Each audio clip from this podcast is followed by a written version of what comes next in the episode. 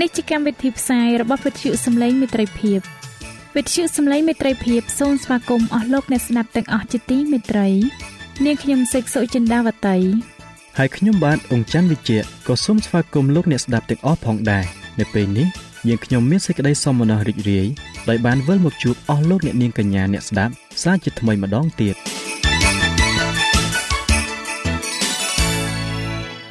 នាងខ្ញុំសេកសុចិន្តាវតី សូមជម្រាបជូនកម្មវិធីផ្សាយដែលមានជាបន្តបន្ទាប់ដូចតទៅនេតិជួបជាមួយព្រះបន្ទូលនេតិសុខភាពចា៎លោកអ្នកស្ដាប់ជាទីមេត្រី នាងខ្ញុំសូមគោរពអញ្ជើញអស់លោកលោកស្រី អ្នកនាងកញ្ញាតាមដានស្ដាប់កម្មវិធីផ្សាយរបស់វិទ្យុយើងខ្ញុំដូចតទៅ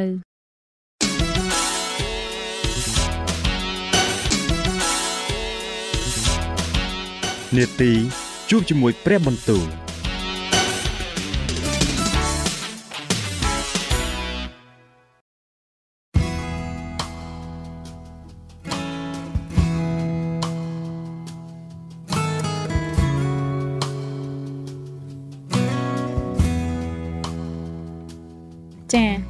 អស់លោកអ្នកស្ដាប់ជាទីមេត្រី ជាដំបូងនាងខ្ញុំសូមអញ្ជើញលោកអ្នកនាងស្ដាប់នេតិជួបជាមួយព្រះបន្ទូល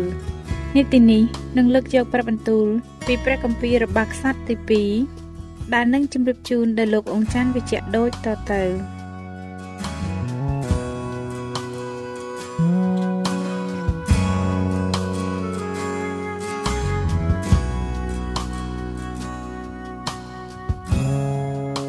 ព្រះគម្ពីររបស់ខ្សត្រទី2ចំពុកទី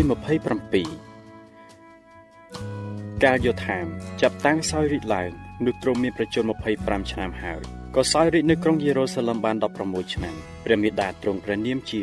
យេរូសាជាបុត្រីសាដុកទ្រង់ប្រព្រឹត្តសេចក្តីដែលត្រឹមត្រូវនៅព្រះនេត្រព្រះយេហូវ៉ាតាមគ្រប់ទាំងសេចក្តីដែលអូសៀជាព្រះបិតាបានធ្វើដែរតែទ្រង់មិនបានយាងចូលទៅក្នុងព្រះវិហារនៃព្រះយេហូវ៉ាទេឯបណ្ដាជនគេនៅតែប្រព្រឹត្តខូចអាក្រក់នៅឡើយ ទ្រង់ធ្វើទ្វារខាងលើរបស់ព្រះវិហារនៃព្រះយេហូវ៉ាក៏សង់កំផែងអូផែលឡើងជាច្រើនមួយទៀតទ្រង់សង់ទីក្រុងខ្លះនៅស្រុកភ្នំយូដាហើយនៅក្នុងព្រៃទ្រង់ក៏សង់បន្ទាយនឹងប៉មផងទ្រង់ក៏ច្បាំងឈ្នះស្ដេចនៃពួកកូនចៅអាម៉ូនហើយឆ្នាំនោះឯងពួកកូនចៅអាម៉ូនក៏ថ្វាយប្រាក់100ហាបស្រូវផូចសាលី10000រង្វាល់និងស្រូវអោក10000រង្វាល់ដែរនិង10000រង្វាល់ដល់ទ្រង់ ដល់ឆ្នាំទី2ហើយទី3គេក៏ថ្វាយប៉ុណ្ណោះដល់ទ្រង់ទៀតដូច្នេះយោធាមានកម្លាំងកាន់តែខ្លាំងឡើងពីព្រោះទ្រង់បានរៀបផ្លូវទ្រង់ឲ្យត្រឹមត្រូវនៅចំពោះព្រះយេហូវ៉ាជាព្រះនិទ្រង់រីឯដំណើរឯទៀតពីយោធានឹងអស់ទាំងការចម្បាំងរបស់ទ្រង់ហើយអំពើប្រព្រឹត្តទាំងប៉ុន្មានរបស់ទ្រង់នោះសុទ្ធតែបានកត់ត្រាទុកនៅក្នុងសិភៅជារឿងពីពួកសាច់អ៊ីស្រាអែលនិងយូដាហើយការទ្រង់ចាប់តាំងសោយរាជឡើងនោះមានប្រជជន25ឆ្នាំហើយក៏សោយរាជនៅក្រុងយេរូសាឡឹមបាន16ឆ្នាំ យោធាមទ្រង់ផ្ទុំលក់ជាមួយនឹងពួកអាយកាទ្រង់ហើយគេបញ្ចុះសពទ្រង់នៅក្នុងក្រុងដាវីតរួចអាហាសជាព្រះរាជបុត្រាក៏ឡើងសោយរាជជំនួសព្រះបិតា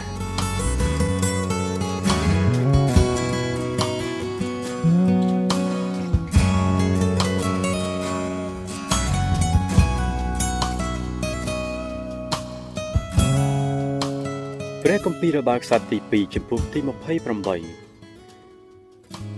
កាលអាហាសទ្រង់ចាប់តាំងសោយរាជឡើងនោះទ្រង់មានប្រជជន20ឆ្នាំហើយក៏សោយរាជនៅក្រុងយេរូសាឡឹមបាន16ឆ្នាំ តែទ្រង់មិនបានប្រព្រឹត្តសេចក្តីដែលត្រឹមត្រូវនៅព្រះនេត្រព្រះយេហូវ៉ាដូចជាដាវីតជាអាយកោទ្រង់ទេ គឺទ្រង់បានដើរតាមផ្លូវរបស់ពួកស្ដេចអ៊ីស្រាអែលវិញហើយបានសិតធ្វើរូបទុកជាព្រះមួយទៀតទ្រង់បានដុតកំញាននៅច្រកភ្នំរបស់កូនហ៊ីនណុំព្រមទាំងដុតបុតទ្រង់ក្នុងភ្លើងតាមទម្លាប់គួរស្អប់ខ្ពើមរបស់សាសដតី តែព្រះយេហូវ៉ាបានបណ្ដេញពីមុខពួកកូនចៅអ៊ីស្រាអែលចេញក៏ថ្វាយយ៉ាញ់បូជាហើយដុតកំញាននៅលើអស់ទាំងទីខ្ពស់នៅលើភ្នំហើយនៅក្រោមគ្រប់ទាំងដើមឈើខ្ចីផងហេតុនោះបានជាព្រះយេហូវ៉ាជាព្រះនៃទ្រង់ក៏ប្រគល់ទ្រង់ទៅក្នុងកំដាប់ដៃនៃស្ដេចស្រុកសេរី គេក៏វាយពួកទ្រង់ហើយចាប់យកជាច្រើន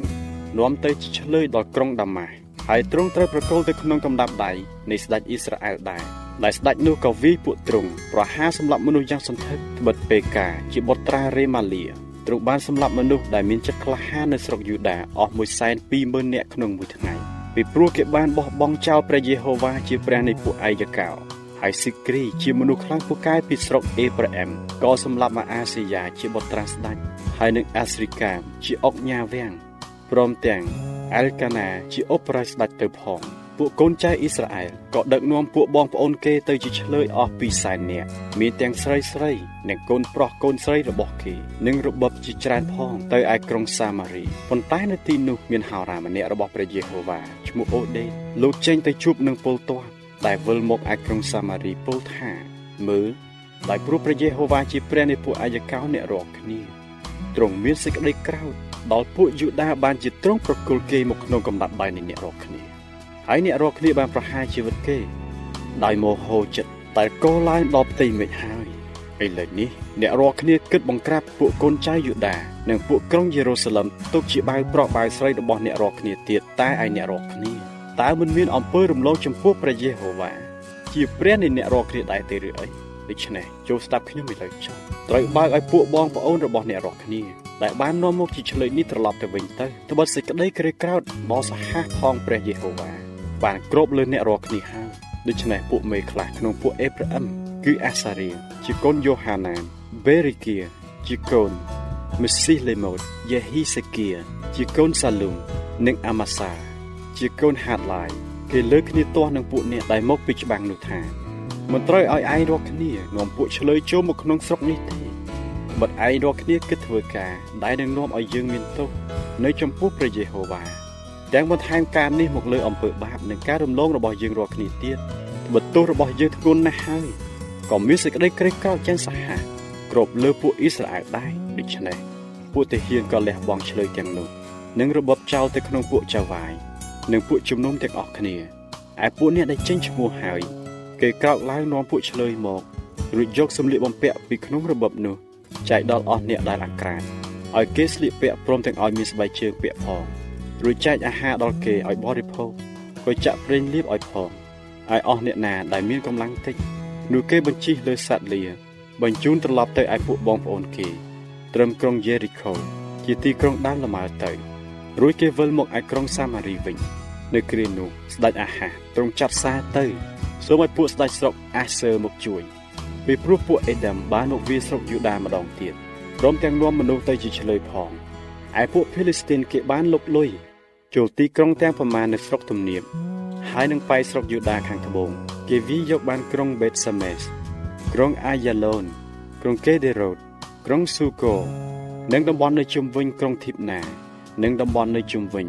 ព្រមទាំងក្រុងគីមសូ និងតំបន់នៅជុំវិញផង រួចគេក៏អាស្រ័យនៅទីក្រុងទាំងនោះត្បិតព្រះយេហូវ៉ាទ្រង់បាននាំឲ្យពួកយូដាបានទៀតថោកដោយព្រោះអាហាស្ដេចសាសអ៊ីស្រាអែលពីព្រោះស្ដេចបាននាំឲ្យពួកយូដាលែងមានសេចក្តីទុកចិត្តខ្លាចបាបហើយបានប្រព្រឹត្តរំលោភល្មើសយ៉ាងធំចំពោះព្រះយេហូវ៉ាគ្រានោះទីក្លាតពីលីសើជាស្ដេចស្រុកអាសឺក៏មកឯទ្រង់តែមិនបានជួយចម្រើនកម្លាំងទ្រង់ទេ គឺបានធ្វើឲ្យទ្រង់មានសេចក្តីលំបាកវិញត្បិតអាហា បានបែងយកចំណែកពីព្រះវិហារនៃព្រះយេហូវ៉ាពីព្រះរាជដំណាក់ហើយពីពួកចៅវាយទៅថ្វាយដល់ស្ដេចអាសឺតែការនោះក៏មិនបានជួយដល់ទ្រង់ដែរហើយនៅគ្រាដែលមានសេចក្តីទុក្ខវេទនានោះស្ដេចគឺអាហាសនេះឯងទ្រង់បានប្រព្រឹត្តដំឡងនឹងព្រះយេហូវ៉ាថែមទៀតគឺទ្រង់បានថ្វាយយ៉ាញ់បូជាដល់អស់ទាំងព្រះនៃពួកក្រុងដាម៉ាស់ដែលគេបានវីទ្រង់ដោយនឹកថាដោយព្រោះព្រះនៃពួកស្ដេចសេរីបានជួយគេ នោះយើងនឹងថ្វាយយ៉ាញ់បូជាដល់ព្រះទាំងនោះដែរដើម្បីឲ្យបានជួយខាងយើងប៉ុន្តែព្រះទាំងនោះជាហេតុនាំឲ្យទ្រង់និងពួកអ៊ីស្រាអែលទាំងអស់រួញថយវិញអាហាក៏ប្រមូលអស់ទាំងគ្រឿងប្រដាប់របស់ព្រះវិហារនៃព្រះមកកាត់ផ្ដាច់ជាដុំជាដុំទ្រង់ក៏បិទទ្វារព្រះវិហារនៃព្រះយេហូវ៉ាចោលហើយធ្វើអាសនៈសម្រាប់ទ្រង់នៅគ្រប់ទីគៀនក្នុងក្រុងយេរូសាឡឹមដែរឯនៅគ្រប់ទាំងទីក្រុងស្រុកយូដាទ្រង់ក៏ធ្វើទីខ្ពស់ សម្រាប់នឹងដុតកំញានថ្វាយព្រះដតីទ្រង់បានបណ្ដាលឲ្យព្រះយេហូវ៉ាជាព្រះនៃពួកអាយកោទ្រង់មានសេចក្តីក្រោធរីឯដំណើរឯទៀតពីទ្រង់នឹងគ្រប់ទាំងអំពើដែលទ្រង់ប្រព្រឹត្តទាំងមុនទាំងក្រោយនោះសុទ្ធតែបានកត់ទុកនៅក្នុងសៀវភៅពីពួកស្ដេចយូដានិងអ៊ីស្រាអែលហើយអាហាក៏ផ្ទុំលក់ទៅជាមួយនឹងពួកអាយកោទ្រង់ហើយគេបញ្ចុះសពទ្រង់នៅក្នុងទីក្រុង គឺក្នុងក្រុងយេរូសាឡឹមតែមិនមែនក្នុងភ្នូររបស់ពួកស្ដេចសាសអ៊ីស្រាអែលទេរួចហេសេគីជាព្រះរាជបុត្រា ក៏ឡើងសោយរាជជំនួសព្រះបិតា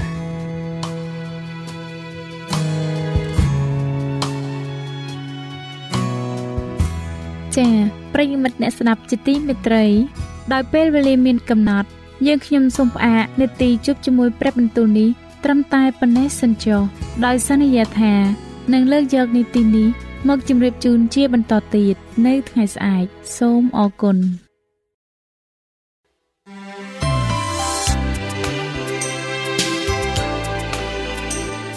វិទ្យុសំឡេងមេត្រីភាព AWR នាំមកជូនលោកអ្នកនៅសារនៃសេចក្តីស្រឡាញ់ពីព្រះអង្គម្ចាស់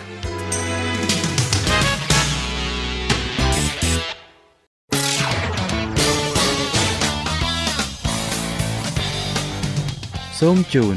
នីតិសុខភាព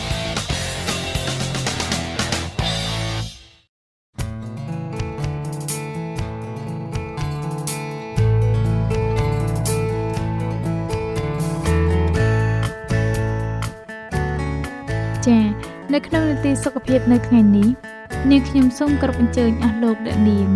តាមដានស្ដាប់មេរៀនសុខភាពដែលនឹងជម្រាបជូនដោយកញ្ញាឌីណាដូចតទៅ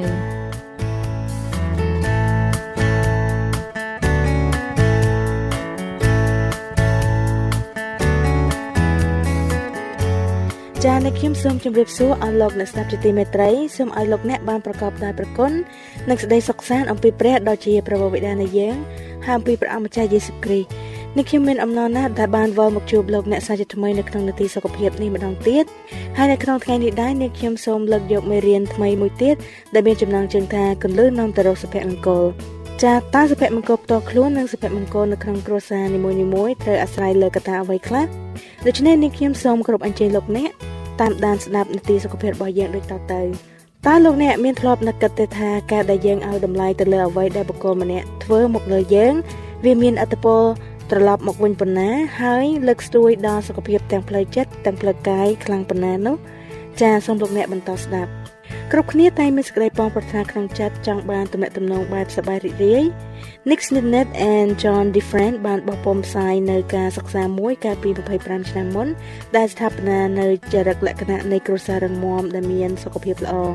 កត្តាមួយដែលរកឃើញក្នុងគ្រួសារទាំងឡាយណាដែលរីករាយនឹងរឹងមាំជាងគេ គឺជាការឲ្យតម្លៃគ្នាទៅវិញទៅមកនៅក្នុងជំពូកនេះយើងនឹងពិភាក្សានៅកត្តានៃការឲ្យតម្លៃគ្នា ការស្រាវជ្រាវបានរកឃើញថាគ្រួសាររីករាយនិងរឹងមាំ មានជំនឿមុតមម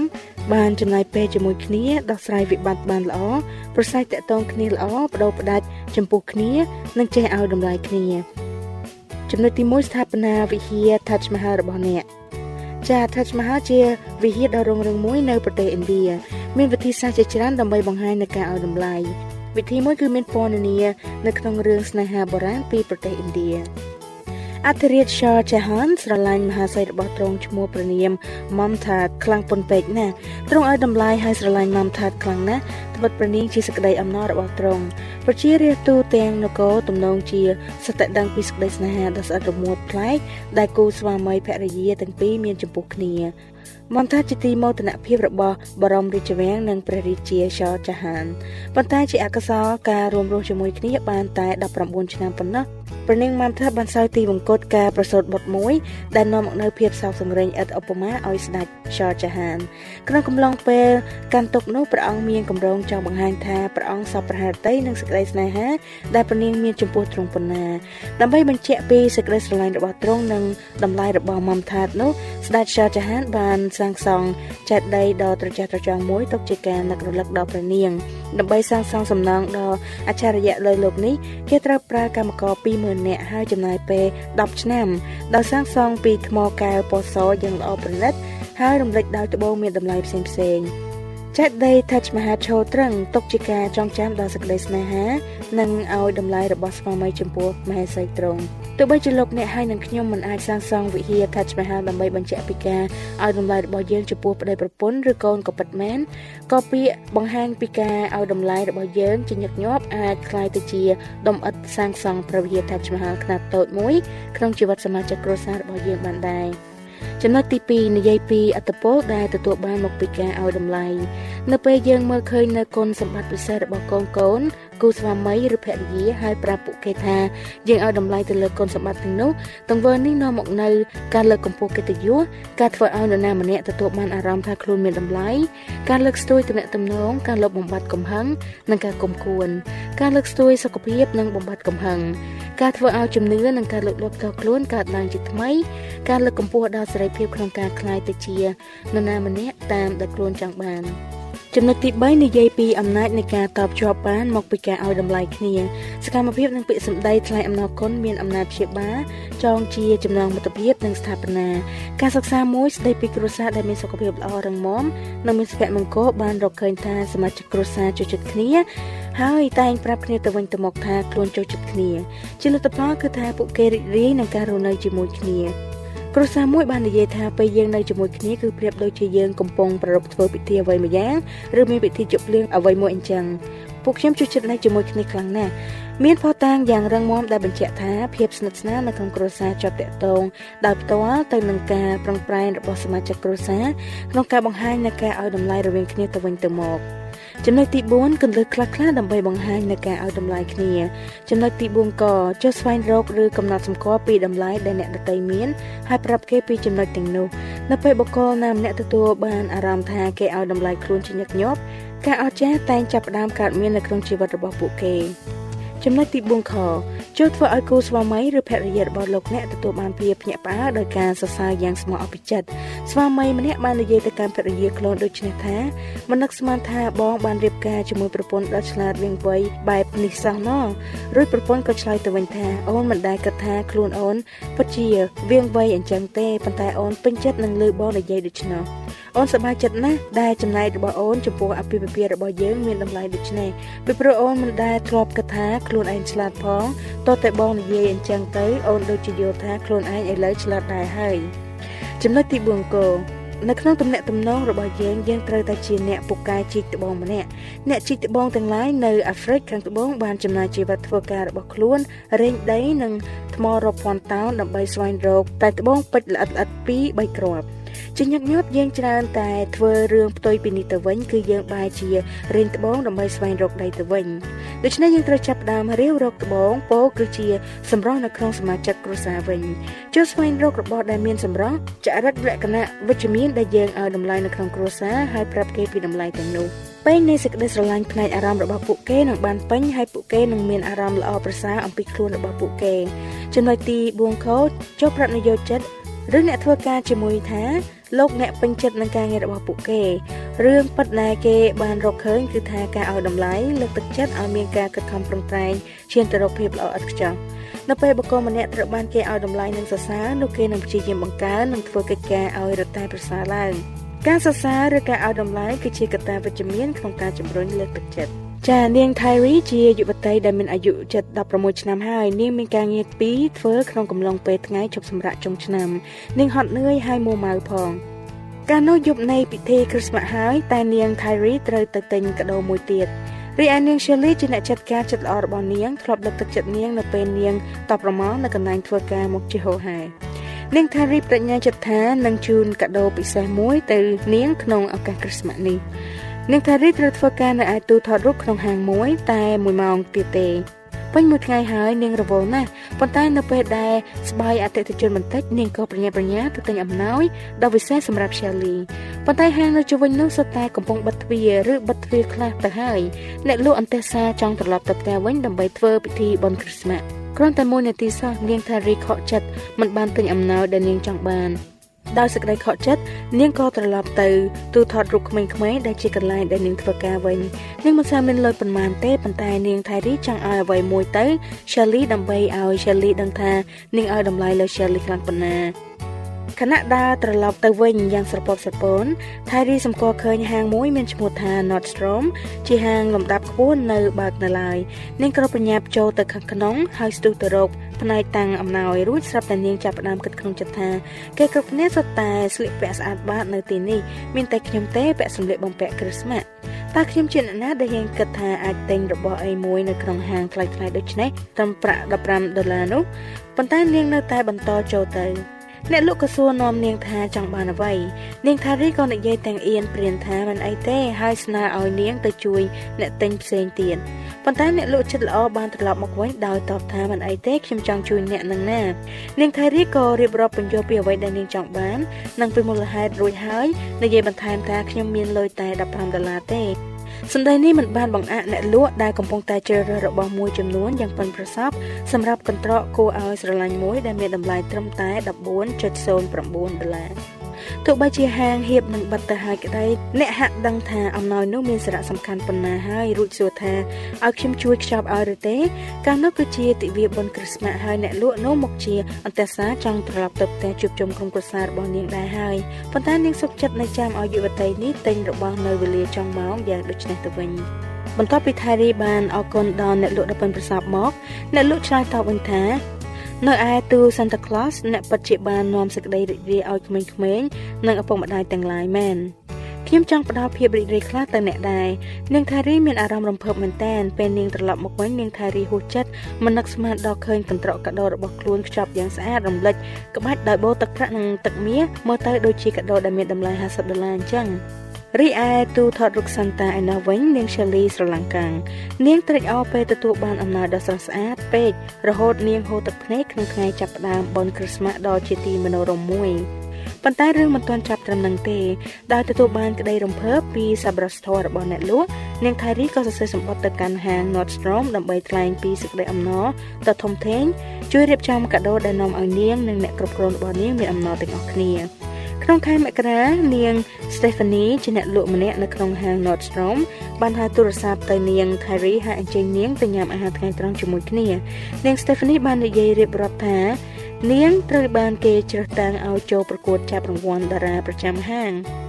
នៅពេលគេប្រកាសលទ្ធផលនាង Stephanie ជាអ្នកឈ្នះរង្វាន់នោះអ្នកគ្រប់គ្រងហាងបានអានសម្បត្តិសម្ដែងនៃការដឹងគុណរបស់នាង Thari ខណៈពេលដែលនាង Stephanie ឡើងទៅទទួលរង្វាន់ដែលមានស្លាបផ្កាមាស ថវិកាចំនួន100ដុល្លាររូបថតទុកដាក់នៅមុខហាង បានជំនួយថ្មីមួយព្រមទាំងឱកាសធ្វើតំណាងឲ្យហាងទៅចូលរួមកិច្ចប្រជុំប្រចាំតំបន់សម្បត្តិដឹងគុណរបស់ថៃរីក៏ត្រូវបានគេអាននៅឯកិច្ចប្រជុំតំបន់នោះម្ដងទៀតហើយភ្ញៀវទាំងប្រមាណដែលចូលរួមក្នុងកម្មវិធីក៏ក្រោកឈរឡើងទះដៃអបអរសាទរឲ្យនាង Stephanie រឿងសំខាន់បំផុតនៅក្នុងសាច់រឿងនៃការដឹងគុណនេះកើតមានឡើងក្រោយមកទៀតនៅពេលនាង Stephanie រៀបរាប់ប្រាប់ឪពុករបស់នាងអំពីកិត្តិយសរបស់នាងគាត់មានប្រសាសន៍ថានាង Stephanie ពុកពិតជាមានមោទនភាពនឹងកូនខ្លាំងណាស់ ក្រោយមក Stephanie ប្រាប់ថាតាំងពីតូចដល់ធំឪពុករបស់ខ្ញុំមិនដែលប្រាប់ខ្ញុំថាគាត់មានមោទនភាពចំពោះខ្ញុំម្ដងណាទេ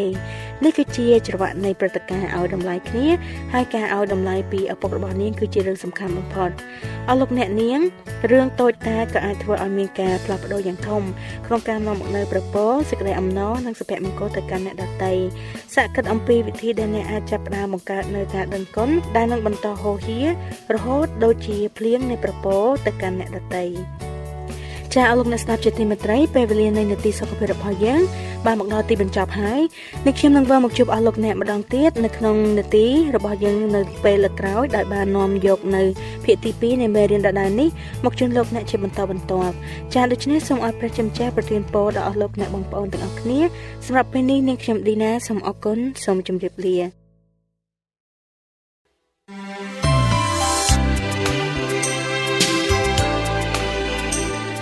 វិទ្យុសំឡេងមេត្រីភាព AWR មានផ្សាយពីរដងក្នុងមួយថ្ងៃ គឺព្រឹកនៅម៉ោង6និងពេលយប់នៅម៉ោង8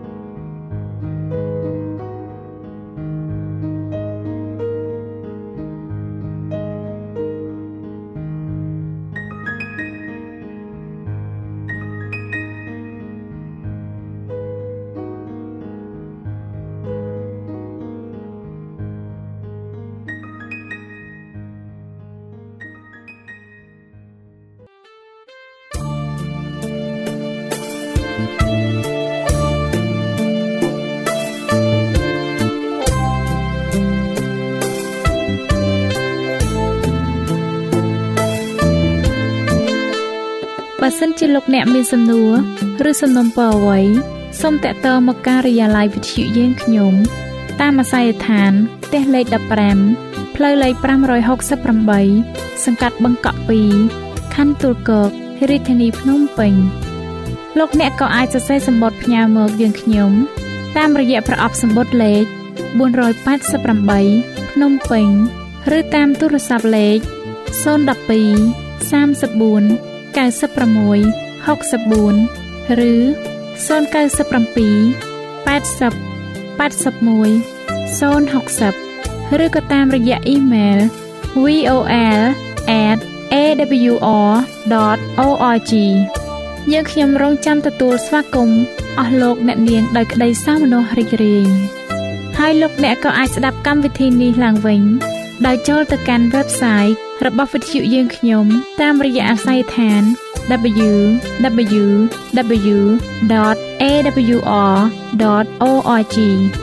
លោកអ្នកនាងកញ្ញាជាទីមេត្រី កម្មវិធីផ្សាយរបស់វិទ្យុសំឡេងមេត្រីភាពនៅពេលនេះសូមបញ្ចប់តែប៉ុណ្ណេះយើងខ្ញុំសូមអរគុណចំពោះការតាមដានស្ដាប់របស់អស់លោកអ្នកតាំងពីដើមរហូតដល់ចប់យើងខ្ញុំសូមជូនពរឲ្យអស់លោកអ្នកនាងកញ្ញាទាំងអស់បានចម្រើនឡើងក្នុងព្រះគុណព្រះអង្គម្ចាស់ ហើយក្នុងការទទួលយកព្រះយេស៊ូវគ្រីស្ទជាព្រះអង្គម្ចាស់និងជាព្រះអង្គសង្គ្រោះនៃយើងរាល់គ្នានាទីផ្សាយរបស់វិទ្យុយើងខ្ញុំនឹងវិលមកជួបអស់លោកអ្នកសាជាថ្មីម្ដងទៀតនៅថ្ងៃស្អែកវេលាម៉ោងដដែលនាងខ្ញុំសេកសុចិន្តាវតីនិងខ្ញុំបាទអ៊ំច័ន្ទវិជ្ជៈសូមអរគុណសូមជម្រាបលា